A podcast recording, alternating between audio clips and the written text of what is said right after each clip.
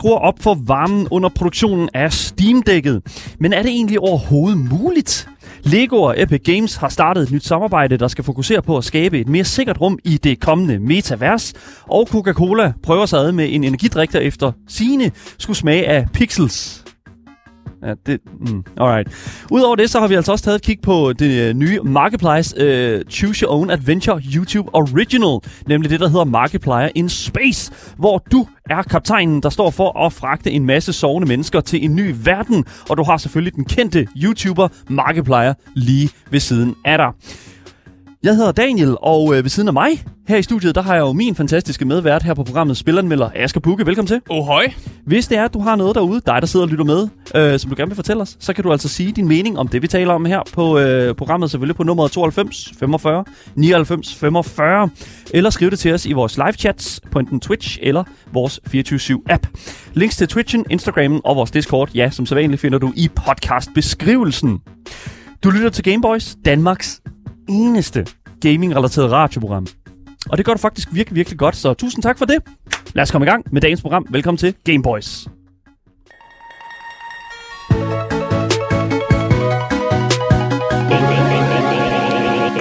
Det værste ved at vente på noget, det er, når du ikke har nogen som helst anelse for, hvornår ventetiden er over. Ja, eller sådan noget, hvis man står på togstationen, og, og toget først kommer om en time. Ja, eller, det er også lidt nederen at vide, at det ja, først kommer om en time. Men når noget, når noget bare sådan, du ved, sådan bliver udskudt, eller når noget, det er sådan, det, ja. jeg synes, det har været sådan kendt, øh, eller sådan typisk sådan ting i løbet af sådan, øh, de sidste tre år. Det er sådan, alright, her, ja. der kommer noget, men jeg ved ikke rigtig, hvornår. Øh, ja, det, jeg er enig, jeg er enig. Du er ja. ikke for at være på tværs. Jeg er helt enig. og for os, som sidder herinde og stadig venter på øh, mere information om, hvornår vi modtager vores Steam Decks, yes, så er der måske en smule forløsning på vej heldigvis. Fordi leveringen af Valves håndholdte gaming device, det her Steam Deck, øh, som er sådan lidt Nintendo Switchen, bare bedre, så, øh, jamen det kan jeg lige wow. sige, sådan er det bare. Øh, så kan man sige, synes jeg faktisk, at det har øh, tynget, altså sådan, altså det, hele den her sådan, produktion af det her gaming device, det har været tynget godt og grundigt af den her chipskrise, som jeg snakker om, har virkelig har tynget hele sådan tech-verden øh, her i de sidste tre års tid nu. Øh, så da vi i sidste år kunne reservere vores Steam Deck, med et lille depositum selvfølgelig, så gjorde vi det velvidende, uden at vi havde en konkret leveringsdag. Og det er jo sådan et eller andet sted. Sådan, er det godt? Er det skidt? Hvad kan man gøre ved det? Mere konkret, så hvad hedder det nu, øh, øh, kan man jo sige, at det nok ændrer sig lidt nu. For hvis vi går ind og øh, kigger på det, som Steam Deckets side på, øh, på, på Twitter øh, faktisk siger, øh, undskyld ikke Twitter, undskyld på egen, øh, Steam Deckets egen Steam side, der mm. går, så kan man altså se, at der nu står forventes klar til bestilling efter kvartal, tredje kvartal eller Q3, hvis man siger det på den måde. Mm. Oktober 2022 eller senere. Så de dækker sig fuldt ind. Ja. ikke? Så det, det, det er altid godt at sige eller senere. Eller senere, ja. De er ja, nødt til at sige det, for ellers så, så, så, så begraver de sig for dybt i, uh, i vandene, tror ja, jeg.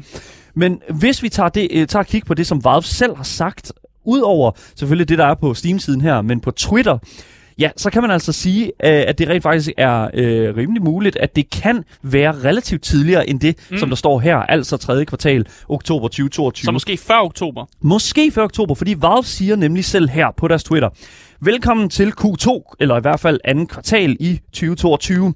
Vi har netop sendt det første sæt af ordre e-mails, ordre e-mails ud til Q2 reservationer, og i rækkefølge efter reservationstid. Så vidderligt, i et, i, altså det lod, du har i køen. Ja, hvis du har været hurtigt ude, så øh, kan det være, du allerede har fået en, øh, en, en e-mail. Lige præcis. Og her siger de så, fra i dag øger vi Steam Deck forsendelserne, og vil sende flere e-mails om tilgængelighed for ordre hver uge, nogle gange endda to gange om ugen. Det er virkelig gode nyheder. Det, det, det er faktisk virkelig vanvittigt. Det er ja. jo teknisk set, øh, hvis man, hvis man skal kigge sådan på det, en fordobling. Yeah. Øhm, yeah. Og, og, og det synes jeg jo et eller andet sted, det, det lover jo godt for det. Men jeg kom sådan til at tænke på, at, at det er jo også et eller andet sted, øh, hvordan kan det lade sig gøre? Men for jer, der sidder derude, tjek jeres spamfolder hver mandag og torsdag, lyder det som om, fordi at øh, Lawrence Yang, som der blandt andet er designer hos Valve, siger nemlig, at det er øh, hvad kan man sige, de dage, som de vil begynde at sende invitationerne ud til dem, der kan købe, eller i hvert fald reservere et Steam Deck. Fordi det er ikke nok, at du har reserveret det en gang, du skal også reservere det igen. Ja. Fordi så kan du, du kan købe det. Og han siger så, at det her ramp up in productions, som øh, Yang kalder det, kommer åbenbart til at skalere helt vildt i de første sådan, par måneder. Og det kan man altså høre her, hvor at Yang bliver interviewet af øh, spilsiden IGN netop omkring øh, det her sådan, skift i, øh, hvad hedder det nu, sådan, ja, skalering i mm. sådan, produktionsniveauet. Og her kommer Yang Lawrence, øh, Lawrence Yang, undskyld, som sidder hos, øh, som designer hos øh, Steam. Det kommer her. Uh, we imagine that the launch is gonna uh, ramp um, in production terms. It'll ramp very quickly. Uh, in the first month, very quickly, we'll be in the tens of thousands. By the second month, we'll be in the hundreds of thousands. Uh, and beyond that, it'll grow even quicker. So um, once we launch, the after Q2 time slot will become more granular and clear, and we'll be updating those dates for folks who are in that window. Så, så det vi ligesom skal tage med her fra Yang her, det er mm. simpelthen intet ringere end, at i den første måned, meget hurtigt, vil der være 10.000 vis. Inden for den anden måned vil, vil vi være i 100.000 vis. Mm. Og derefter vil vi vokse endnu hurtigere. Hvad fanden der sket? Ja, så det ja. er jo fucking interessant, fordi lige pludselig, det er som om, at det kommer fuldstændig fra, fra, fra sådan højre siden, det her. Ja, ja. At, at der er sådan en eller anden sådan, øh, øh, okay, vi har lige pludselig bare fundet, øh, det ved jeg ikke, fucking julemandens lager af, øh, chips. af chipsets. I don't know. Mikrochips. Fuldstændig vanvittigt. Ja. Og jeg forstår ikke rigtigt, hvordan det her det kan lade sig gøre som sådan. Fordi jeg troede vidderligt, at vi var midt i en chipskrise. Ja. Og ja, det er vi også stadigvæk. Men fordi at 2021 ramte tech-industrien så hårdt, som den gjorde, så blev der jo nødt til at ske noget ret så hektisk ude i sådan tech-industrien. Og det betyder, at der langsomt nu begynder at åbne flere fabrikker op rundt omkring i verden, som der ligesom har kun formålet at skal producere de her semiconductor, mm. som er sådan, hvad kan man sige, de, den her teknologi, som der er rigtig stor mangel på i hvert fald. Og det er lande som USA og Tyskland og flere steder i Asien, som har oppet deres budget med flere milliarder for at få det til at ske. Mm. Og det skulle efter sigende løsne lidt af det her pres på produktionen, som der har været igennem øh, de sidste sådan, to år i hvert fald. Mm. Og så løsne det en lille smule op igennem hele 2022, og så faktisk skabe en situation, hvis man skal tro på den kilde, som jeg har her, øh, skabe en situation af overforsyning i løbet af 2023. Hov, men det er jo, altså, vent lige lidt. Så vi, vi går fra krise og ikke har nok chips til What are we gonna do with all these chips? Overforsyning. Yes. Men det er da også problematisk, er det ikke det? Det er det nemlig, fordi at hvordan skal vi få fragt... Altså det, igen, det er jo selvfølgelig fint, at så kommer der et stort fjernlager, der kommer yeah. et stort lager med de her chips, chipset her.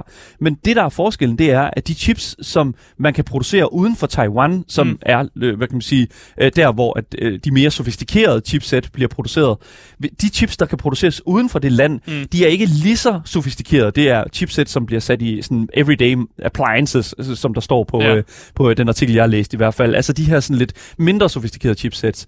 Om de kan sættes ind i øh, spilkonsollerne, det må jeg gå ud fra, eller om at, at øh, industrien laver deres teknologi om til at kompensere for de her mindre, hmm. øh, mindre sofistikerede chipsets. Det er svært at sige, men det skulle efter sine hjælpe rigtig meget på det pres, altså den her flaskehals, ja. som der har været på den her, øh, sådan, øh, den her hvad kan man sige, øh, transport af chipskrisen. Men det betyder, betyder det så, at vi kan få billigere computerdele? Se, det er jo så netop er det. Det, det, det, det er jo faktisk, ja, og det er sjovt, at sige det, fordi det er faktisk en ting, som vi er begyndt at se, at de her GPU'er eller de her grafikkort mm. er begyndt at falde i pris.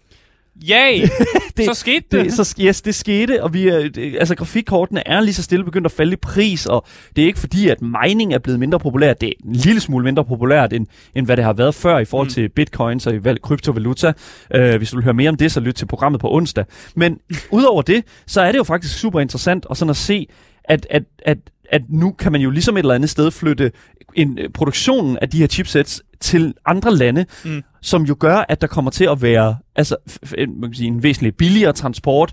Det er også godt for, for, for øh, CO2-udledninger i gas. Jeg ved ikke, om en fabrik vej, udvejer... Altså, øh, hvis den ligger tættere på der, hvor tingene skal hen. Hvis vi siger, du sagde jo Tyskland. Hvis ja. der er flere fabrikker i Tyskland, så skal den jo køres mindre, hvis vi skal have ting i Danmark, for eksempel. Så ja, ja i teorien er det jo bedre for, for miljøet, men igen, mm. man skal også bruge noget, noget råmateriale for at lave chips og sådan noget. Og Lige det, præcis. det er jo det er jo ikke så godt ja. for miljøet. Der bliver spurgt i chatten her, Simon han skriver, mindre sofistikeret betyder det, at vores ting falder i pris, men også bliver vores hardware dårligere, hvis I forstår. Så det der er med mm. det, det er, sådan som jeg forstår det her, og det er jo igen... Det er en fortolkning. Det er en fortæ- igen, ja. det er svært at vide 100% nuancen af det, men sådan som jeg forstår det, så er det, at der findes jo de her forskellige øh, kan man sige, chipsets, som er væsentligt mere, altså sådan, I don't know, fucking teknologisk øh, bedre, I don't know, altså sådan som kan mere, som kan lave, lave bedre udregninger, kan lave bedre udregninger hurtigere og den slags. Igen, I'm not an expert, men stadigvæk, der er forskel på, hvad kan man sige, øh, den, den teknologi, vi havde mm. for 10 år siden, og den teknologi, som vi har nu. Og sådan som jeg forstår det, så er det, det er nemmere at udvikle den teknologi, som vi havde for 10 år siden, med de råmaterialer, som vi allerede har, end det er at skulle udvikle, øh, hvad kan man sige, øh, det teknologi, som vi kan, altså som er fucking cutting edge. Mm. Der er jo kun, altså, hvad kan man sige, de her sådan semiconductor foundries hedder de, som findes i Taiwan, og det er sådan de førende dertil. Men det, der er problemet med Taiwan, det er jo, at de oplever så meget seismisk øh, aktivitet øh, omkring den ø, mm. at det jo simpelthen er umuligt at, sådan at holde et, et ordentligt elnet. Det er umuligt, og for, øh, ja. det, det, det er let at skabe arbejdskraft øh, dernede. Det er jo det er super fucking, det koster ikke en skid. Men det er, der er andre udfordringer mm. til. Det er at få engineers, altså sådan ingeniører derned, og teknikere, altså kroppe, til yeah. simpelthen at, at, at, gøre det muligt at lave de her ting her. Og noget, der er vel også noget in, infrastruktur, der spiller ind Præcis. der med, at man skal, så skal transportere det til Europa, hvis vi skal have mm. bruge det og sådan ting der. Ja. Men, men der er også et, et, et, altså i hvert fald, hvad, som jeg kan forstå det, et fald i prisen på de her ting her, fordi det netop bliver billigere at transportere det, og det bliver også billigere ligesom at, at producere det. Igen, det, det, det er sådan et, et lille regnestykke, som jeg tror er rigtig svært at gøre op med, når ja. vi snakker, fordi vi snakker milliardbeløb her. Men bare for lige at vende tilbage spørgsmålet. Vi, ja. vi tror ikke, at delene bliver dårligere. Vi kommer ikke til at få et dårligt produkt. Altså, det kommer an på, hvem der laver det. Hvis Google laver det, ja. og det putter okay. flere Stadias derud, jo, så kan det nok godt. Ja, okay. Det ved jeg ikke. det, Fair. Så det tilføjer jeg ikke. Men jeg tror 100% at vi ser et prisfald øh, på rigtig, rigtig mange ting. Øh, blandt andet fordi, at de her scalpere her, de her, som, som køber PlayStation 5 og sælger dem for øh, højere, og simpelthen ikke har mulighed for at, altså sådan at holde, altså det er, folk går ud i butikken fremover og køber deres konsol. Og det er det, som jeg tror, øh, ved du nu, øh, giver, gør, at det giver meget god mening, det som Yang han siger her i forhold til sådan 2022. Der er simpelthen dukket, der er simpelthen dukket flere alternativer op i forhold til at hive tech-dele hjem fra mm. fabrikker. Fra andre fordi, steder, ja. Fra andre steder, fordi for, der er væsentligt flere fabrikker at finde derude. Og så virker det meget sandsynligt, at den her sådan, skalering øh, når helt op på de her 100.000'er. Øh, men der er dog stadig, det, altså det, der er stadig sådan uvist om, hvorvidt det rent faktisk kommer til at, sådan at rykke på øh, nogens, sådan, nogen som helst former for leveringsadresser, når det kommer til Steam-dækket. Mm. Altså det er jo svært at sige, fordi at øh, man kan jo sige et eller andet sted, det afhænger meget af, om Valve forudså den her ændring i chipskrisen, og så sat den forventede leveringsdato derefter på deres Steam. Så det er jo svært at vide, ja. hvor den ligesom er placeret derefter. Altså, jeg vil jo ikke, jeg vil jo ikke være ked af det, hvis det er sådan, at, at, at den bliver rykket, fordi altså, som min lige nu, den siger, at, at jeg får min leveret i oktober eller derefter. Mm. Jeg vil da ikke klage, hvis den poppede lidt længere frem, sådan omkring september, omkring min fødselsdag. det kunne fandme være fucking Epic Gamer Move, Valve. Ja. Havde jeg, man. Så det kunne sagt med at være nice. Altså, jeg vil have min nu. Asger, det kan ikke lade sig gøre. Nej, det vil jeg godt. Kan ikke lade sig gøre. Du var for sent ude. Hvornår, øh, hvornår hentede du din? Samme tid som dig, tror jeg. Omkring... Jeg hentede min i øh, sådan september sidste år. Jamen, det tror jeg også. Jeg tror, ja. vi omkring købte samtidig. Det kan godt være så... november, faktisk. Men det er uanset hvad, så altså, kan man jo sige, at øh, så er jeg jo virkelig glad for, at flere folk nu får mulighed for at få den her Steam, det, det her Steam Deck i hænderne, mm. og så teste det, så alle fejlene bliver fjernet til, når jeg modtager mit Steam Deck. Fordi at så var det jo vidderligt et 200 ja. IQ move at bestille senere. Fordi så er den, nu, nu er der ingen fejl. Nu er, det, nu er den bug-free, dude. Mm.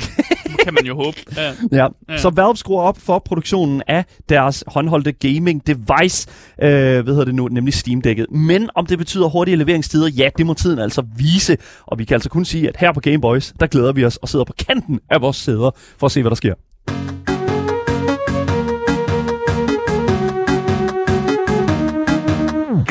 Lego og Epic Games har annonceret et samarbejde.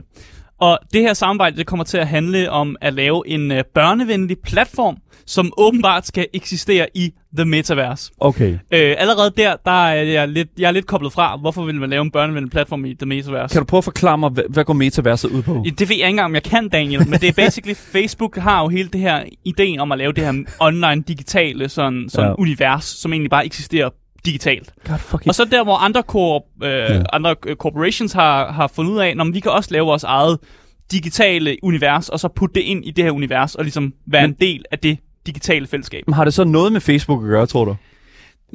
Ja og nej, det ved jeg ikke. Altså, det, er der ikke, no, det er der ikke nogen ved. Der er ikke nogen ved, om de kobler det til uh, Meta og Facebooks uh, vision af, hvad et metavers er. Men jeg tror også bare, at den her, altså, det her term at sige metavers, det er bare det, der er hot lige nu. Det er virkelig hot. Og det er, det er sådan, hot at sige. Det er sådan et, et term for sådan, du ved sådan... Vi laver en interaktiv digital platform. Vi er vil, basically det, man prøver at sige. Vi vil gerne være ready player one. Ikke? Altså, yeah. det, er sådan, det, det, det er sådan, yeah. let's go. Ja.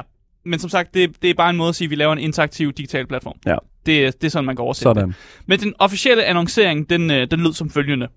De to virksomheder vil gå sammen om at bygge en fordybende, kreativt inspirerende og enga- engagerende digital oplevelse, som børn i alle aldre kan nyde sammen. Det er jo meget nobelt. Og Det er ligesom meget sige, Lego. Ja, det er meget Lego, og det er vel også meget epic på en eller anden måde. Ja. De prøver også at være cool with the kids. Ja, og sådan det er 100 procent, altså be- begge de her, altså jeg vil sige Lego øh, ikke så Fint meget. samarbejde. Ja, det er, et fedt, det er et fint samarbejde. Lego ikke så meget, men jeg vil faktisk sige, at, at Epic Games er jo, er jo nok nogle af dem, der er mest cool with the kids lige nu. Altså nu siger du, det ikke er godt samarbejde for Lego, men det tror jeg, at igennem nyheden, jeg prøver at modbevise. At Er det er, rigtigt? Ja, det er et rigtig godt øh, øh, Jamen, bring the heat. for Lego i hvert fald. Bring men lad os lige tage en ting ad gangen. for det eneste Epic, som har været ude at sige, det er, at øh, de har faktisk ikke sagt særlig meget. Det er Lego, der har sagt allermest i forhold til den her øh, nyhed faktisk. Ja. Men Epic har været ude at sige, at platformen er familievenlig, og det vil give værktøjer til børn, så de kan lege i et sikkert og positivt miljø. Det er det, Epic har sagt. Hvad, hvad, giver, hvad betyder det? Det betyder, det er, det er cool with the kids, og det er sikkert, og det er, det, der er nogle gode værktøjer, og det er family friendly. Jamen, Sådan og der. det er jo det, det er men- bare nogle buzzwords. Ja, det er buzzwords, ikke? Altså, det er, Ja. sådan, det, det, er, der, er, der, er der noget handling i det her? I, i, det tror jeg. Altså nu er Epic jo kendt for at være sådan gamingens handlingsmand, vil jeg næsten sige. Altså de handler meget, og de er ikke bange for at tage nogle retssager og ligesom og, og, og prøve at, at komme med nogle nye idéer til nogle ting. Okay, true. Men, Lego har også været ude at sige øh, nogle ting, og det er faktisk selveste Lego CEO, Niels B. Christiansen, Niels som, B. Lego Christiansen, Ja. hold da kæft, mand. han har været ude at sige øh, følgende. Ja. Børn nyder at lege i digitale og fysiske verdener og bevæger sig problemfrit mellem de to. Mm. Vi tror på, at der er et stort potentiale for dem til at udvikle livslange færdigheder som kreativitet, samarbejde og kommunikation gennem de digitale oplevelser. Men vi har et ansvar for at gøre dem sikre, inspirerende og gavnlige for alle. Ligesom vi har beskyttet børns rettigheder til sikker fysisk leg i generationer, er vi forpligtet til at gøre det samme for digital leg. Vi ser frem til at arbejde sammen med Epic Games for at forme denne spændende og legende fremtid. Jeg ved ikke, jeg tror, der er gået rigtig lang tid siden ham her. Han er, st- han er, altså, Jeg synes, det var meget godt det, ja, det er det virkelig, men altså, at lave noget sik- lidt sådan- sikker fysisk leg. Kan du huske, dengang de lavede de der Bionicles der, der kunne fucking bare f- flinge de der sådan, skiver afsted? Ja, det var da meget sikkert. Ja, det var mega sikkert. Det er jo, jeg, jeg har fået sådan en i øjet sådan tre gange eller sådan noget. Jamen, de nu- kan jo ikke garantere, hvad du gør med Legoen. Altså, om du kaster den efter dine brødre og søstre, sådan, det er jo ikke deres skyld. Men jeg vil sige, at Lego-klodsen i sig selv er jo ikke farlig. Altså, Men mindre du træder på den. Ja, men det er jo igen...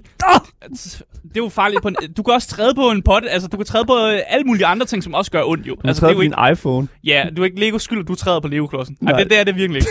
Det, nu synes jeg, vi skal være søde mod dem. Bare Vi skal være søde mod Lego, og det er også rigtigt. Ja, men for mig, der virker det som, som om, at Lego og Epic gerne vil lave en platform, som skal riv- rivalisere Roblox. At de prøver Ja. at lave en eller anden modpart til Roblox. Og jeg Yep. tror faktisk, at det er et pisse smart move. Det er simpelthen, og, og det er simpelthen intet, øh, altså det, der er ikke noget uf omkring det fra min, min side af, Nej, fordi et eller andet sted, så Roblox, de har fandme siddet længe på toppen. Og det er jo derfor, at jeg tror, at de her vi lige har hørt, at der bliver snakket så meget om sikkerhed for børn. Mm. Fordi når vi snakker Roblox, i hvert fald når jeg vil snakke Roblox, Ja. så er sikkerhed for børn, det er, det er ikke i top på Roblox. Der er virkelig mange det historier er et omkring. kæmpe, det er et kæmpe problem. Det er et cesspool af børnearbejde, pædofili og fucking, I don't know, microtransactions. Bare- It's so bad med Ja. Roblox. Og bare, at der bliver trukket penge ud af, af børn, eller ikke, de bliver ikke trukket ud af børnene, men de bliver trukket ud af forældrene. Fysisk trukket ud af børnene. Nå, men via forældrene, altså bliver pengene trukket ud øh, igennem børn og sådan noget. Det, de har bare et kæmpe problem med, med sikkerhed og, og sådan øh, gennemsigtighed i hvert fald fra Mm. forældrenes side også.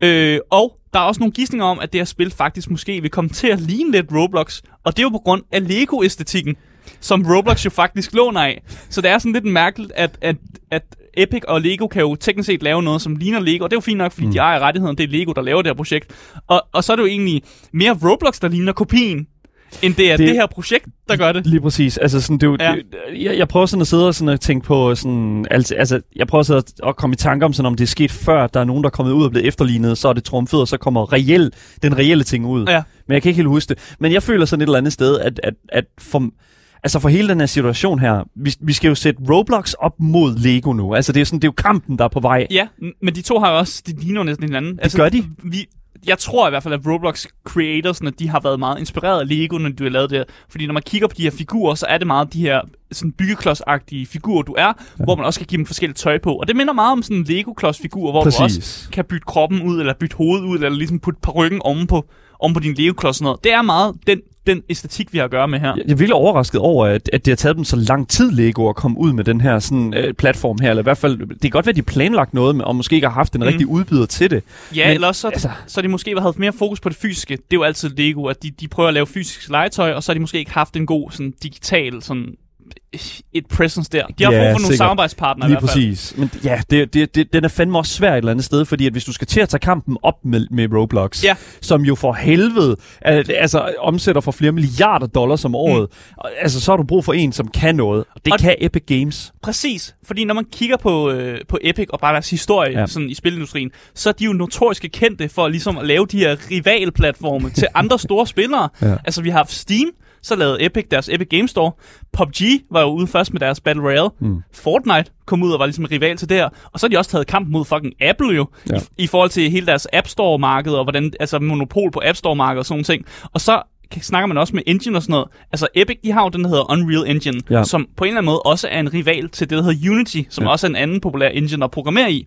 Så Epic er jo de er jo klar til at slås. De, altså, de, de har altid været klar til at slås. Det er næsten deres brand, ja, næsten, ja, at næsten, de er klar til at slås. Altså, jeg, jeg, jeg tror faktisk, at den her kamp her bliver en af de mere interessante som vi har set. Roblox mod Lego-platform. Jamen altså, noget. Roblox mod Lego, altså det er vidderligt det, vi har ventet på alle sammen. Og mm. nu ser vi det ske. Altså sådan, det er jo, fordi jeg kan huske, at uh, Roblox i sin tid også altså sådan, skulle stå, stå til ansvar over for deres sådan Lego-æstetik og sådan. Mm. Og nu er det jo vidderligt, Lego kan komme ud med deres største guns og sige, altså, vi, altså i det mindste, så ligner vi ikke Lego. Vi er fucking Lego, ja, ikke? præcis. De, fucking, ja, de kan brandmærke det. Altså, proud ja. to be a Dane, dude. Altså, jeg er virkelig sådan... Ja, hvis det bliver en succes. Hvis... Ellers så gemmer jeg mig med skam, men ja. Men det er jo det, altså et eller andet, nu skal vi sådan snakke omkring, om, om det bliver en succes. Altså mm. sådan, det er jo Epic Games. De har i hvert fald kræfterne. De har fandme nede med muligheder de har for pengene, det. De har kræfterne, og, og det er jo to mega, altså mega forretnings... Øh, altså, øh, vi har her. Altså Lego kæmpestor globalt, men også Epic også mega stor altså, globalt. Altså, i morgen skal jeg anmelde Lego Star Wars, uh, The Skywalker mm. Saga, mm. ikke? Altså, sådan, det, det, altså de, Lego er en størrelse, som jeg synes, som jeg virkelig tror, man undervurderer rigtig mm. ofte. Mm. I hvert fald, det gør jeg i hvert fald. Altså, det er virkelig, jeg glemmer, hvor stor Lego egentlig er. Ja, og jeg fortalte jo, at man skal ikke undervurdere, at det her også er en god forretning for Lego. Mm. Fordi der er jo faktisk mulighed for, at Epic Games IP'er måske også kommer til at bløde ud i de her, den fysiske Lego-verden. Mm. Jeg tog i hvert fald en Google-søgning, og jeg kunne, ikke, jeg kunne ikke finde noget... Altså, der eksisterer ikke Fortnite Lego. Og der findes uh, Fortnite uh, actionfigurer ja. og Fortnite legetøj og sådan noget, men der eksisterer ikke Fortnite Lego. Og det er jo en oplagt mulighed, når vi har med et spil at gøre, hvor man skal bygge. Yep. Det gør man jo i Fortnite. Så, så det er jo også et sådan totalt godt partnerskab, at de så laver, måske kommer til at lave noget, en eller anden form for Fortnite Lego eller nogle andre IP'er. Jeg ved ikke lige Epic Games, og hvor mange andre IP'er det har, men Fortnite er i hvert fald den, jeg, jeg tænker umiddelbart på med det samme. Og men, det, ja, det er men, også den, som, altså der er mange børn, der spiller Fortnite. Præcis. Altså, det giver ja. bare mening. Men det er også det et eller andet sted, hvis det er sådan, man kigger på sådan noget som for eksempel øh, altså Lego, som har lavet sådan sammen med Overwatch og den slags. Altså der er jo ingen mm. grænser, altså Minecraft, der er jo ikke nogen grænser for, hvad Lego et eller andet sted har af muligheder. Altså de, de kan bare gøre, hvad de vil. Ja. Det er fuldstændig vanvittigt. Ja, præcis. Og især i, sådan, i, i verden, i, det er også perfekt, øh, når du nævner Minecraft-samarbejdet, mm. fordi det er også en verden, hvor mange ting er, det er byggeklodser. Minecraft mm. er en byggeklodsverden, så selvfølgelig kan man overføre den til Lego meget nemt. Ja. Og Fortnite er jo også en eller anden form for byggeklodsverden. Så det der med, at du bare overfører det til en fysisk verden, er jo bare match made in heaven. Mm. Så det er derfor, jeg tænker, at Epic Games og Lego i det her samarbejde, de vinder, altså de vinder begge to. Altså Lego har fundet en god, en god slåspartner, lad os sige det sådan, fordi Epic vil gerne slås, og Epic har fundet en god partner til ligesom at få deres IP'er mere bredt ud i den fysiske verden også, mm. altså ud til noget Lego og sådan. Så altså, det er jo en win-win her for begge øh, korporationer, og jeg tror faktisk også, at det er en win-win for forbrugeren. Ja. Fordi hvis vi får en lidt mere sikker platform for, for børn end Roblox, så ved jeg faktisk ikke, om jeg kan bede om mere. altså, en ting er helt sikker. Jeg stoler væsentligt mere på, at Lego og Epic Games har, altså, kan, kan formå at, ligesom at holde styr på uh, det her community, som kommer til deres platform, mm. fucking Roblox. Altså, det har de bevist. Det kan de ikke finde ud af. Ja, og så er de jo også meget, når de ligesom melder ting ud, så det vi har læst, det er, at de er meget sådan, sikkerhed for børn, sikkerhed for børn. Det er, det, de, ligesom, det er den term, de ja. hele tiden bruger, og det er jo fordi, de prøver at give sådan lidt en stikpille til Roblox, tror jeg i hvert fald, ja. om at det er sådan lidt, om Roblox er ikke sikkert. Mm. Det er ikke sikkert for børn, men det er vi. Vi laver noget familievenligt, noget, I kan, noget gennemsigtigt, noget I forstår. Fordi de fleste altså ældre mennesker forstår også Lego, fordi ja. det har faktisk også været en del af deres barndom. Så der er bare noget, der er bare noget mere forståelighed og noget mere gennemsigtighed, som jeg tror bare, at det kommer til at fungere i fremtiden. Fuck, hvor nice, man. Epic Games og Lego står simpelthen til at skal forsøge at lave et, et meget mere sikkert metavers, i hvert fald in-house. Og der er måske en lille kamp med i bokseringen imellem den helt store Roblox, der indtjener mm. flere milliarder dollars om året, og selvfølgelig de to stærke kæmpere. Er det nok til at øh, vælge Roblox pinden? Ja, det får vi altså se, øh, når at vi hører meget mere til den her nye, øh, det her nye samarbejde imellem Lego og Roblox. Vi glemmer, glæder os sindssygt meget til at høre mere.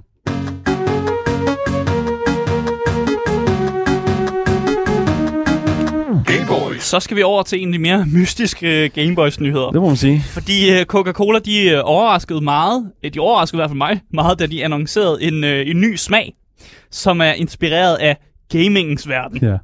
De annoncerede nemlig en limited edition sodavand, som de har kaldet Coca-Cola Zero Sugar Bite. Uh, og den bliver brandet som, at den smager af pixels. What? Og så bliver jeg nødt til at bare lige vente med dig, Daniel. Ja. For det, hvad, hvad, hvad er smagen af pixel for dig? Det er sjovt, fordi her til morgen har jeg virkelig brugt lang tid på sådan at prøve sådan at, at sætte det ind i hovedet. Altså det er jo igen... Altså når man slikker skærmen, ja. sådan lidt saltet, sådan lidt, fedtet, sådan lidt, øh, lidt støvet, sådan lidt øh, elektrisk. Sådan, jeg, mm. jeg ved det ikke helt. Altså jeg, jeg prøver sådan, altså igen, for mig er det jo sådan lidt sådan, alright, når du tager en, et, tager en, en slurk af noget, der sådan har, har koldioxid i sig, ja. i sig, så er der sådan lidt sådan prikker og sådan noget.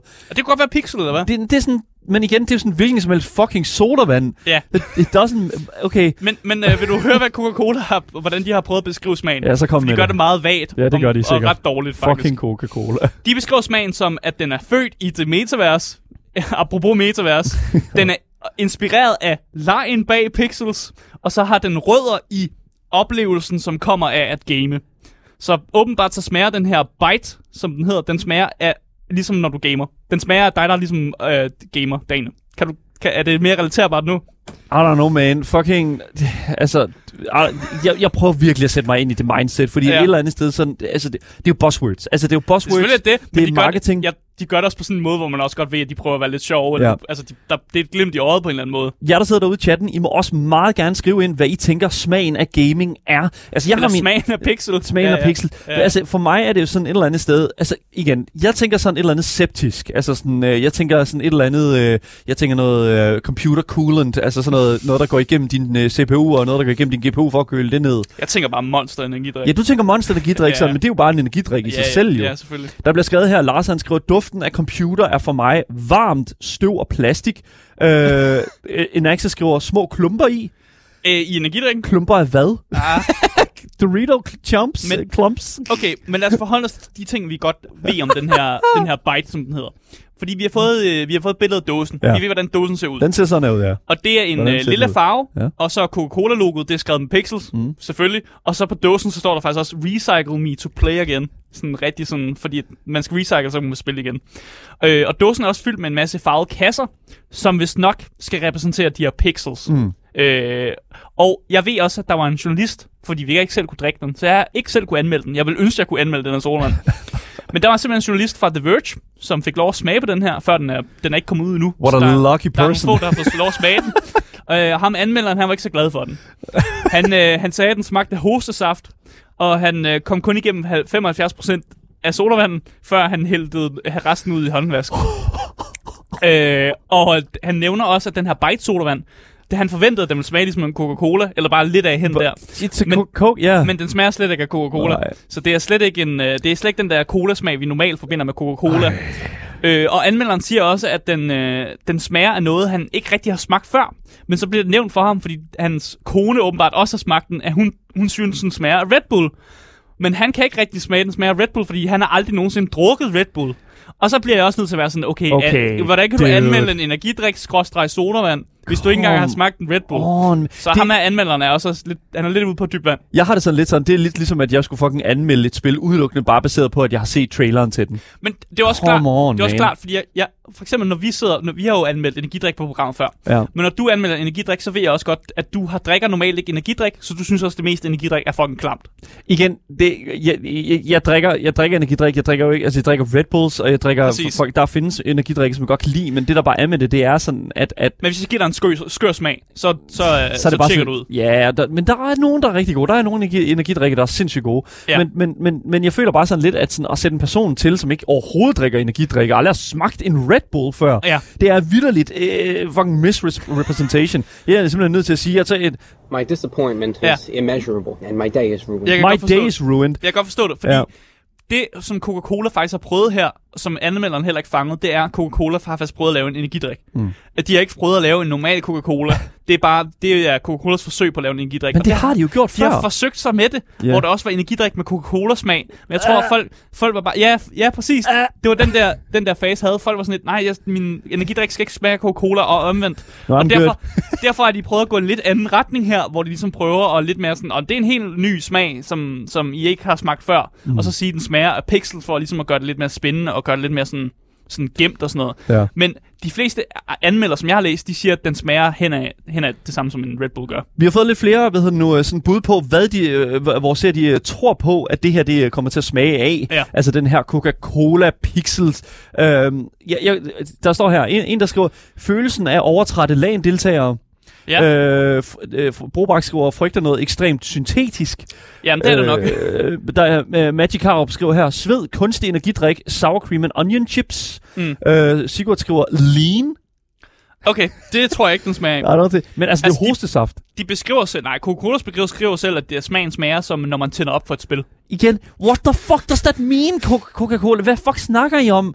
Giv os nu bare en smag. Altså, jeg har det, jeg har det sådan lidt sådan, jeg synes, det er fint, når en, en, hvad kan man sige, en udbyder eller et eller andet går ud og siger, listen up, man. Øh, I skal selv gætte smagen. Det ja. synes jeg var sjovt. Jeg kan ja. ikke huske, hvem det var, der lavede det. Fanta er i gang med at lave et Lige stadig, hvor ja, har Fanta. den der blå, den der blå driks. Ja, get, get smagen, whatever, ikke? Mm. Og, sådan, og jeg synes også et eller andet sted, det er sådan, okay, fair enough. Sådan, okay, det giver en stemning af, at du skal... Men lad være med at sige, at den smager af at booke ja. et spil op, fordi det giver mig ikke noget. det giver ikke noget. Hvad fuck skal jeg bruge det til? Altså, hvad, altså, hvad fanden? Jeg kan fortælle, at de prøver heller ikke, de går, de går ikke fuld energidrik.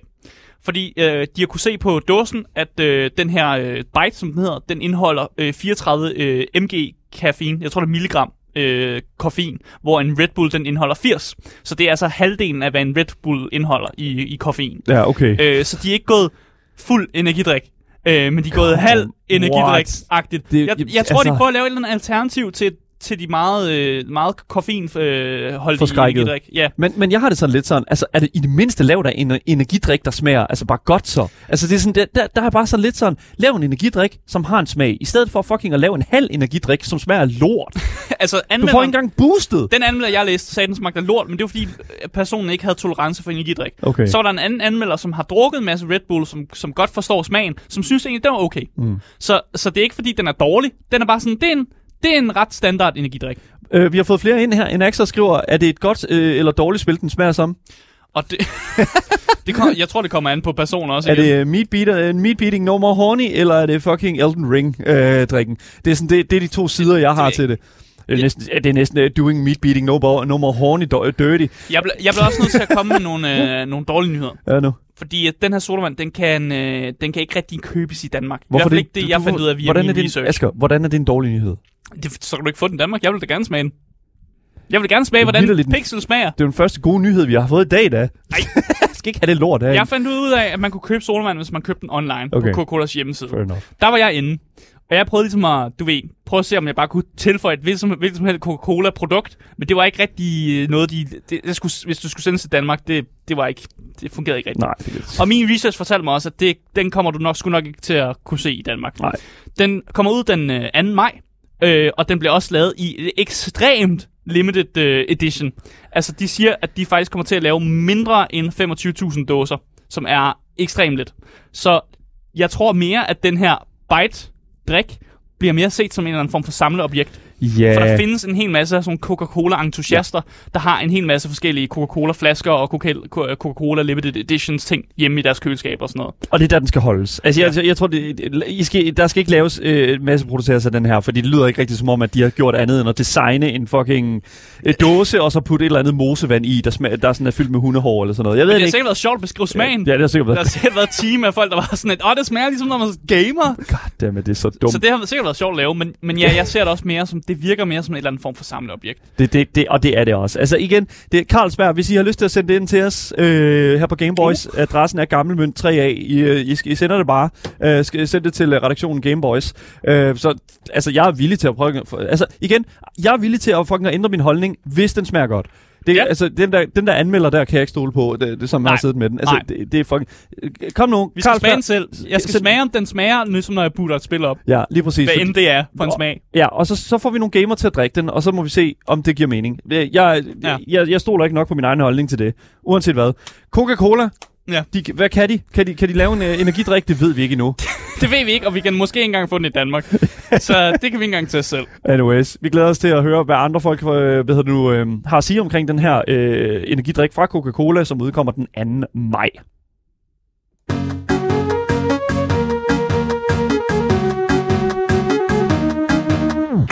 Hvis du først er droppet ind nu, så kan jeg fortælle dig, at du lytter til Gameboys her på 24 Husk, at du kan give os din mening om det, vi taler om på telefonnummer 92 45 99 45, eller skriv det til os direkte i vores live chats på Twitch eller i 24 appen Links til Twitchen, Instagramen og vores Discord finder du i podcastbeskrivelsen. Mit navn er Daniel Mølhøj, og med mig i studiet har jeg min medvært og livspartner, Aske Bukke. Yes. Lige præcis. Du lytter til Gameboys, og nu skal vi til noget helt andet. Game Boy.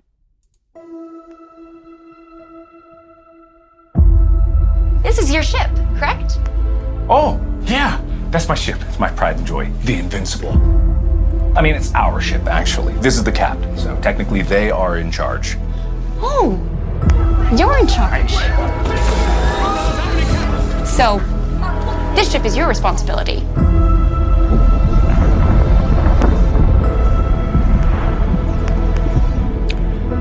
Det sker en gang imellem, at man som spiller bliver forkælet med gratis spiloplevelser. Epic Games de giver spil ud øh, hver uge, men øh, nogle gange så kommer de her spiloplevelser fra en lidt øh, uventet kilde. Spil-youtuberen øh, Markiplier har nemlig lavet et ambitiøst projekt på YouTube, som hedder Markiplier in Space. Og det er et øh, choose your own adventure, hvor man bliver præsenteret for en masse dilemmaer, der kan ske, når man leger med ormehuller i rummet, og så får spilleren eller lov, ellers lov til at træffe nogle valg derefter. Det er ikke Markipliers første Choose Your Own Adventure, da han før det her projekt lavede et lignende projekt, som hed The Heist, som egentlig gik ud på, at man skulle stjæle et artefakt. Fra som var muse- fucking godt fra et museum. Fucking godt. Mm. Øh, og YouTube så, at det her projekt, det faktisk var enormt succesfuldt. Øh, da jeg tjekkede ud, der var der 37 millioner, der havde været inde og set The Heist. Ja. Det, er, det er et rimelig højt, højt uh, view, view count. Det er fucking vanvittigt. I, i hvert fald på YouTube. Ja. Og derfor valgte YouTube at støtte fremtidige lignende projekter fra Mark.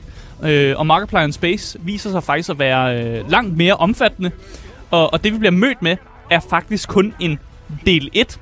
Så det vi skal snakke om i dag er kun del 1 af noget større. Øh, men alt det, det kommer vi ind på, fordi vi skal nemlig snakke om Markiplier in Space. I feel so. Ow.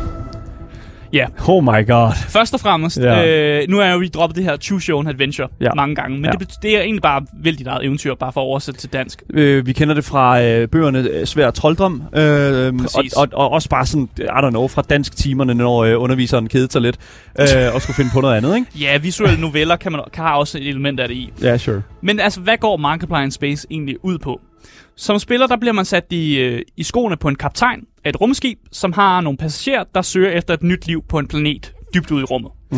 Øh, der sker dog et, øh, et uheld på det her skib, som øh, sætter alt ud i fucking meget kaos. Og Markiplier, han spiller skibets hovedingeniør, og fungerer også som en eller anden form for guide, som ligesom guider dig igennem eventyret. Og man finder hurtigt ud af, at øh, det er skibets warp, warp core, som øh, den er gal med, og, øh, og der er blevet skabt et ormehul, som lidt piller med tid og rum. Og som spiller, så bliver du i, i slutningen af hver video, det er ofte sådan, du får cirka mellem, mellem 5 og 10 minutters ja. video, og så bliver du mødt med et dilemma eller et valg. Og som ofte, der har du to valgmuligheder, men der er nogen, der har lidt flere. Der er nogen, der har tre muligheder også. og spillet er ikke nært hmm. som sådan. Og derfor så kræver det nok, at man spiller det igennem mere end en gang, for ligesom at finde hoved og hale i, hvad der foregår. Hmm. Jeg kan i hvert fald genkende, da jeg spillede det igennem første gang, der var jeg pissehammerende forvirret. Fordi det er netop den her ikke lineære sådan måde at fortælle en historie på, og det her med, at de leger med det her tid og rum, og man skal lige, man skal lige forstå konceptet, før man ligesom er helt med i, hvad der foregår. Mm. Og så har spillet selvfølgelig også øh, flere slutninger, som jo også gør, at man bliver motiveret til ligesom at spille igennem igen, for at finde ud af alle slutninger, finde ud af, hvor der er nogle easter eggs, hvor der er nogle sjove finurligheder i det her spil. Ja. Og altså, det, det er egentlig det, som, det, som Markiplier Space går ud på. Jeg er nødt til at sige, at jeg synes, at, at, at hvis man har... Øh, som person, altså jeg spillede, øh, hvad hedder det nu, også Heist, som øh, var Markipliers øh, sidste, øh, eller hvad kan man sige, inden øh, In Space øh, kom ud. Mm. Øh, og, og jeg må virkelig sige, at her har de virkelig taget, altså hele sådan historiefortællingen, hele sådan, hvad kan man sige, pacingen og narrativet, og den måde, som, som YouTube har integreret det i deres sådan system, de har taget det op på et helt andet niveau. Mm. Og jeg, jeg må virkelig sige, at jeg er fuldstændig vanvittigt overrasket over sådan produktionsniveauet af den her sådan, serie.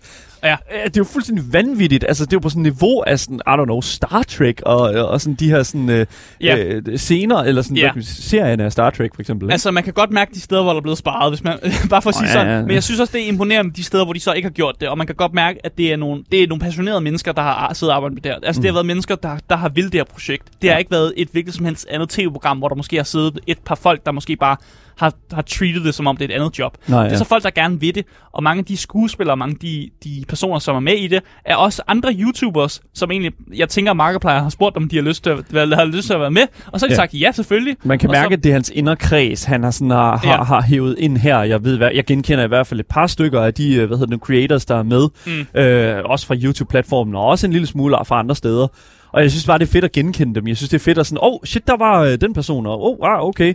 Ja. Men, men, men jeg synes ikke rigtigt, at det kommer sådan fra siden på noget tidspunkt. Jeg synes, at, at det, det er utroligt sådan, alright, her er karakteren, men der er stadig lidt det der sådan flavor indover, sådan, hey, jeg kender også den der person. Ja, ja, og de, og de har også en god sådan, distance mellem seriøsiteten og at personen også eksisterer i et andet, andet rum og sådan noget. De tager mm. meget seriøst i hvert fald. Ja. Det er ikke bare, det er ikke bare ikke en cameo for at være en cameo. Nej. Lad os bare sige det sådan. Mm.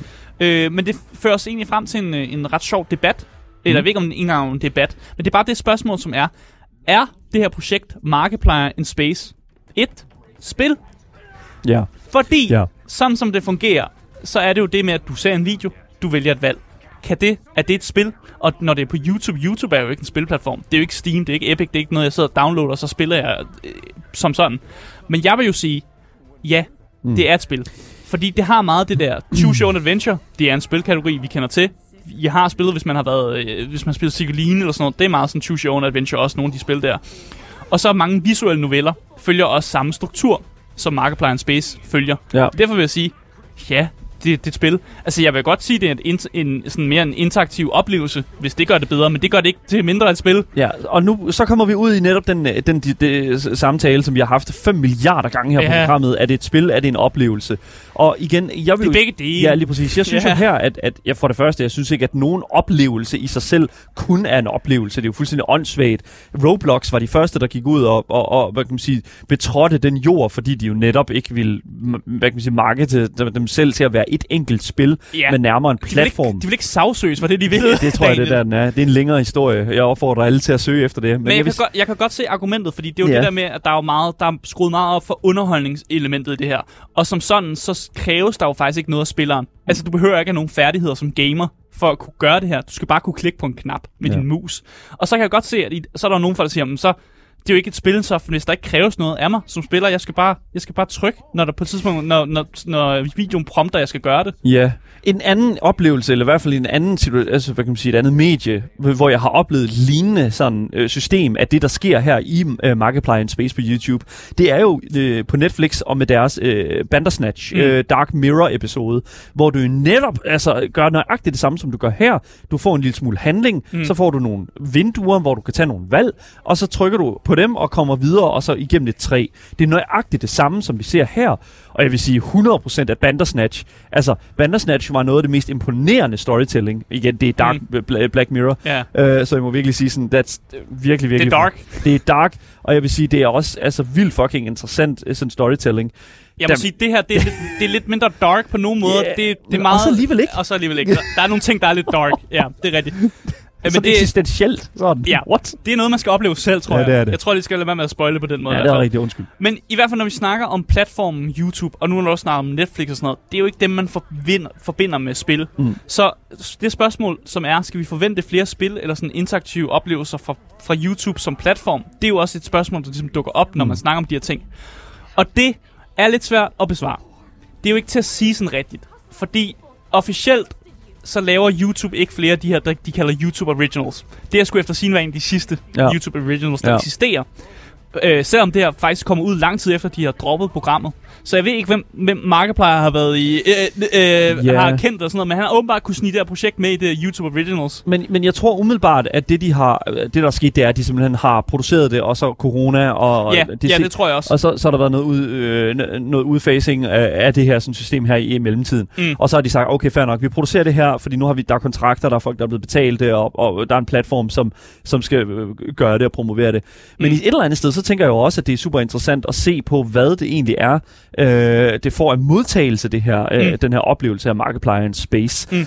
Fordi at, eller in Space with Markiplier er det yeah, også. Yeah. Øh, fordi at, at vi siger jo, vi, vi, sidder, vi har jo lige sagt, altså sådan, at grunden til, de laver det ikke mere, men, men, men det her, det er jo en part 1 også. Altså sådan, ja, det, det er part 1, der kommer en part 2. Der kommer en part 2. Ja. Så, så lidt sådan, okay, de laver ikke mere, men de har lavet mere. Ja, præcis. Og det er jo fordi, det, hele den her, den her pakke bliver shippet som sådan to dele. Ja. Og det er jo bare sådan del 1 og del 2 og sådan noget. Mm. Men men det jeg også øh, er kommet frem til, det er, at vi kommer nok ikke til at se flere YouTube-baggede projekter som det her. Desværre. Men det gør jo ikke, at der kan komme en anden YouTuber, som selv stiller det her op. Fordi den måde, det fungerer på, det er jo bare, det er en masse videoer, du lægger op på YouTube, og så har du dem bare i en rækkefølge, hvor du sådan klikker videre til næste video. Og det gør jo, at formatsmæssigt, så kan alle jo faktisk gøre det her. Lige præcis. Fordi der er de her annotations, eller de her videoer her, sådan video, øh, vi recommender de her videoer præcis. her til sidst, og det kan øh, YouTube creators øh, selv gå ind og customize, hvad det er for nogle videoer, der skal komme frem sådan. Så det kan godt lade sig gøre. Jeg har set det sådan en World of Warcraft, Who Wants to be a Millionaire, ja. øh, hvor der sådan, at, at, at det var fully integrated med de mm. her sådan valg og sådan noget. Og det synes jeg er super smart, og det kan sagtens lade sig gøre. Problemet er bare, at det handler om penge, og det handler om tid. Ja. Og når det er sådan, at, at YouTube øh, hvad kan man sige, trækker pungen til sig, pengepunkt til sig, så bliver det meget sådan begrænset, tror jeg. Mm. Så er det kun sådan Mr. Beast, jeg tror, der har øh, yep. mulighed for at køre det, det, køre det show. Eller Markiplier. Ja, Markiplier. Fordi jeg tror også, han har en eller anden drivkraft, som gør, at han godt kunne finde på at lave lignende interaktive oplevelser, mm. selv hvis det er ham selv, der skal punge ud. Ja. Og jeg tænker også, at han kan sikkert godt finde nogle sponsorer, eller gå sammen med nogle andre YouTube-buddies, og finde ud af et eller andet selv. Jeg tror, jeg tror ikke, det er, det er midlerne, der mangler for ham. Så jeg tror godt, han kunne godt finde på at lave noget lignende, uden at YouTube støtter det som sådan der. Øh, og så som sagt, altså det her er jo kun part 1, det vi sidder og snakker om. Der kommer jo også en part 2. Mm. Så uden tvivl, at han har en eller anden drivkraft, en eller anden, han, han brænder virkelig for det her projekt, og han er også i det. Og når man sidder og, og sidder og ser det, så kan man også mærke, han går han 100% han er med i skuespillet, og han er sådan, han vil det gerne. Ja, det vil han, han vil virkelig. det gerne. Det vil han. Og det må man sige, det er, det er jo noget, hvor jeg også ser, men så fortsætter han nok med at gøre det, og vi ser jo nok om nogle år igen, så kan det være, der kommer et lignende projekt fra ham, bare fordi han brænder for det, og så kan det være, at det ikke er bagget af YouTube. Men det, det er sgu egentlig lige meget. Fordi jeg tror, at, yeah. at man, kan, man kan mærke, at, at han bare brænder op for det, og så skal han sgu nok få det op, at, op at stå. Ja, lige præcis. Men det er også et eller andet sted sådan, altså sådan kreativiteten bag er jo også et eller andet sted båret af mange af de talenter, som også kommer ind over. Sådan. Altså, yeah. der er jo et kæmpe, kæmpe altså cast. Udover dem, der selvfølgelig er on-screen, så er der også alle dem, der står bagved, og alle mm. dem, som ligesom sørger for, at det teknisk giver mening og også ser flot ud. Altså, det vi jo blandt andet ser på her i traileren, det er jo den her store, det her rumskib, store rumskib, som, mm. øh, som hele den her sådan episode, eller hele den her sådan ting her foregår på, nemlig The Invincible 2. Mm. Øhm, what happened to the first? What happened to the first ship? Hvor, yeah. hvor, igen, jeg elsker det, men det er så sjovt, yeah. fordi at, at, at du ligesom, altså sådan rent visuelt, rent, altså det er virkelig, virkelig overbevisende. Altså her ser vi på en fantastisk eksplosion af det her rumskib her, øh, som jo, altså, det sker, det, den bruger de meget. Øh, ja, den bruger de meget, men, eller det, ja, sådan er det jo. Det, det, det, er jo sådan, hvad kan man sige, fordi det er cirkulært. Mm. Du ender i nogle gange i, det her, i den her oplevelse her, i nogle blindgyder, hvor du er nødt til at gå tilbage og simpelthen tage et nyt, øh, tage et andet valg. Ja. Men jeg synes faktisk, at The Heist, øh, i The Heist, som, som var Markiplier's tidligere projekt, der var det meget sådan, alright, åh, oh, der døde du, du skal tilbage igen og se det samme. Her føler jeg faktisk ofte, at der er en sådan, alright, øh, vi fører dig hen i en anden retning, så du ja. skal ikke tilbage igen. Ja, præcis. Hvis man kigger på, og nu, øh, hvis man, nu, folk skal lade være med at gøre det, hvis de ikke har prøvet det før, ja. men hvis man kigger på de her øh, flowcharts, der findes, så er lige præcis flowchartet for det her projekt, er faktisk ret vild. Ja. Og det er netop det, som du siger, Dan, at mange valg, de fører en tilbage på en sti alligevel, så, man havner ikke rigtig i nogen blindgyder, før man har havnet ved en slutning. Og det synes jeg er ja. sindssygt imponerende, fordi at når man tænker på i forhold til sådan, altså, når man tænker på, hvordan sådan pacing og storytelling et eller andet sted bliver vist frem til, i, blandt andet i Bandersnatch, mm. der skulle man sagt ned med se meget af det samme, synes jeg. Og ja. det tog så lang tid Men ja, her er det bare sådan, okay, vi lægger fokuset på ligesom at sørge for, at det hele er bundet sammen på en meget mere klog og en meget mere sådan kreativ måde. Mm. Og så for det første også, altså på en øh, borget af en hel masse fantastiske karakterer, som man møder igennem den her historie her. Mm. Altså Markiplier er jo selvfølgelig i front, men jeg synes virkelig også, at der er ham her, ingeniøren, ikke? ham der er The Engineer. Øh, Bert, med, Bert, ja, med, med det store overskæg. Altså, hvis han havde en idé til, hvordan man kunne fikse noget, jeg tog altid hans altså, løsning, fordi jeg læste op med en. Den fyr, han tog ud som om, at han havde styr på det. Han, han ja, han er, sådan, han er en af de karakterer, og han snakker altid i gåder. Og så nogle gange, så kommer han bare med sådan noget, hvor det, sådan, hvor det ikke er en gåde, hvor han bare siger, lad os gøre det her. Og man er sådan lidt, okay, fuck man, he's speaking the truth. og jeg synes bare, det er, sådan, det, det, det er så meta, og det er så... Øh, det, det, og, og et eller andet sted, så synes jeg også, at det er sådan lidt sådan... Ja. Altså, der er en masse referencer til andre ja. Markiplier-projekter og Ja. andre sådan ting og sådan. Og der, det er også sådan, øh, hele eventyret er ret sådan self-referential. Altså, det refererer sig selv. Så hvis man ikke har været i ned ad en, en, sådan, en path, så er der en anden, der refererer til den path, som man måske kommer til i fremtiden, eller mm. man har været der og sådan nogle ting. Det er vildt weird, og det er svært at forklare.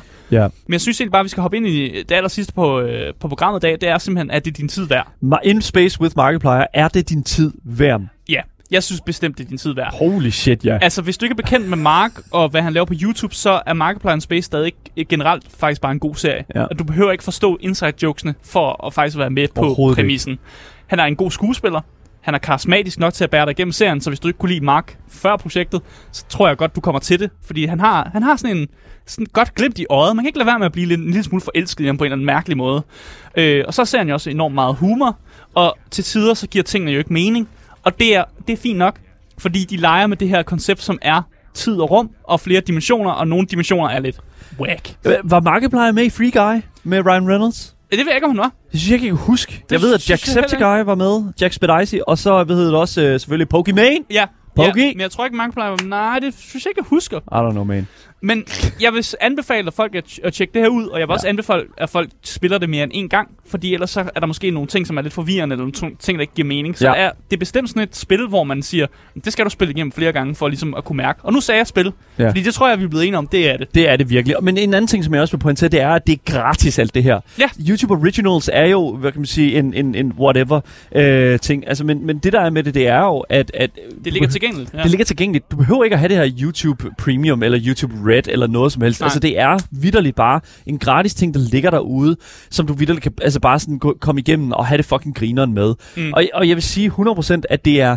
Øhm, at det er utroligt, at det er gratis et eller andet sted. Fordi når man tænker på, at, at, at YouTube også et eller andet skal have noget ud af det, så synes jeg faktisk, at det er vildt. Altså sådan, at, man ikke skal, at det ikke er Big Bang Premium ting eller den slags. Mm. Men altså, det må være nok, at det kommer ud til en masse mennesker. Hvor mange var det, du sagde det, at, at, at det var Den noget ud Heisten til? havde fået 37 millioner. Nu, øh, nu det er jo et nyt projekt, og jeg kunne se, nu kigger vi på traileren, den har fået 11 millioner visninger. 11 millioner i Vi kommer nok derop af, Ja, tænker jeg, med det her projekt. Ja. Og især fordi, at, øh, at når de også hyper op til, at der kommer en part 2 og sådan noget, så folk også gerne sp- spille part 1. Ja. Og, og Markiplier har også været... Øh, han har godt nok været ude og svinge... Øh, reklamemærkesagen i hvert fald. Han har i hvert fald prøvet at reklamere rigtig meget for, at folk skulle komme ind og, og, øh, Ja. og, og se det her projekt. Altså fucking øh, øh, kado til ham, mand. Altså selvfølgelig skal, han, skal der noget reklame til det. Mm. Og altså, det er også derfor, jeg synes, vi sidder og taler om det i dag. Det er jo sådan, at vi, vi skal bifalde en af de her sådan, ekstra sådan, hvad kan man sige, øh, efforts eller sådan, øh, udfordringer, som, som Markiplier, sådan en som Markiplier, puttet foran sig selv for at lave noget kreativt, for at lave noget underholdning. Ja, og noget gratis. Han, Og gør det, han, gratis. gør, han gør det, fordi han selv kan lide det, og han gør det, fordi han, han gerne vil underholde os. Yes. Og det i sig selv er jo...